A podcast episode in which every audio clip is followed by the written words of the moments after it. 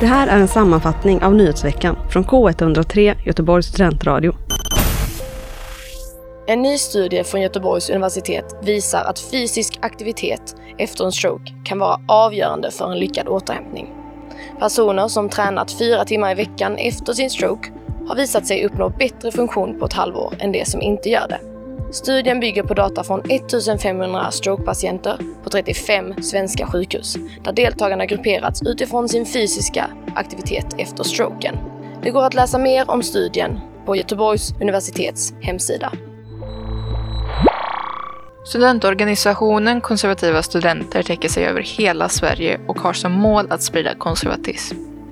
Organisationen har under våren fört en kampanj på sociala medier där de ställer sig kritiskt till universitetet och anser institutionen vara citat vänstervriden.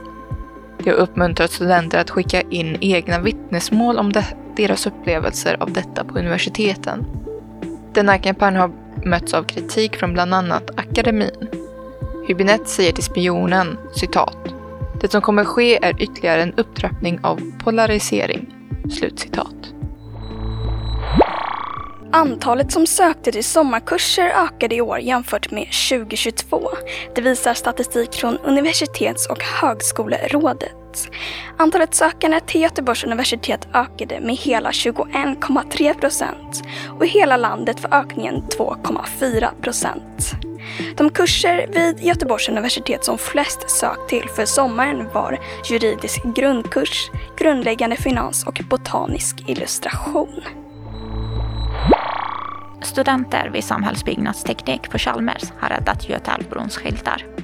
Den dåvarande rektor vid Chalmers, Sven Hultin, var konsulterande ingenjör vid stadsbyggnadskontoret och ledde arbetet med ritningarna till bron. En av de stora skyltarna sitter därför i huset på Sven Hultens gata sedan höstas, men invigdes officiellt den 5 maj i år. Vad som ska hända med den andra skylten är ännu inte klart. Chalmers-studenten Viktor Kjellson säger till Göteborgs-Posten att de gärna tar emot idéer på vad de kan göra med den andra skylten.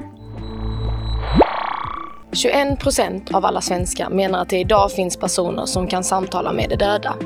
20 procent av alla svenskar menar att det finns personer som kan minnas vad som hänt i ett tidigare liv. För första gången studeras uppfattningar av paranormala förmågor i den nationella SOM-undersökningen med syfte att få en bättre bild av hur utbredd tron på detta är bland befolkningen. Sebastian Lundmark är forskare vid SOM-institutet och ansvarig för studien. Han tror att många kommer bli överraskade av att det är en så hög andel som menar att personer med paranormala förmågor finns idag. Spårvagnstrafiken kommer att vara inställd i Majorna under delar av sommaren. Flera spårarbeten är planerade för sommaren, vilket kommer att påverka trafiken för tio spårvagnslinjer. Mellan 26 juni och 18 juli kommer all spårvagnstrafik i Majorna att ersättas av buss. På Västtrafiks hemsida kan man läsa mer om vilka linjer som berörs av arbeten och hur planen för ersättningsbussar ser ut. Och snart kan engångsmuggar under Göteborgsvarvet vara ett minne blott.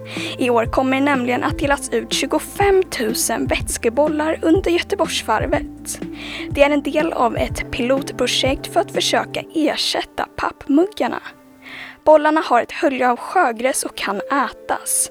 Om de inte äts upp bryts de ner efter några veckor och lämnar ingen plast efter sig. Det här rapporterar P4 Göteborg.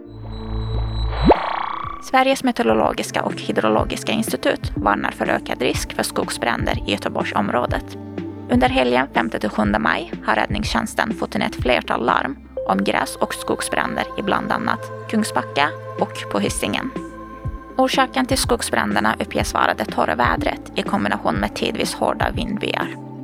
Andra delar av Sverige som östra Svealand och Gotland omfattas också av varningen för brandrisk i veckan. Ny forskning vid Göteborgs universitet visar att de nya AI-systemen kan påverka vårt förtroende för andra människor. De nya systemen får allt mer människoliknande drag, vilket kan göra det svårt att urskilja vad som är artificiellt från vad som är riktigt. Professorerna Jonas Ivarsson och Oskar Lindvall har undersökt hur olika människor förhåller sig till beteenden där en av parterna skulle kunna vara en röst baserad på ett AI-system och visar där att människor ofta kan vara misstänksamma. Det går att läsa mer om detta på Göteborgs universitets hemsida. Tipsa oss om nyheter på info k103.se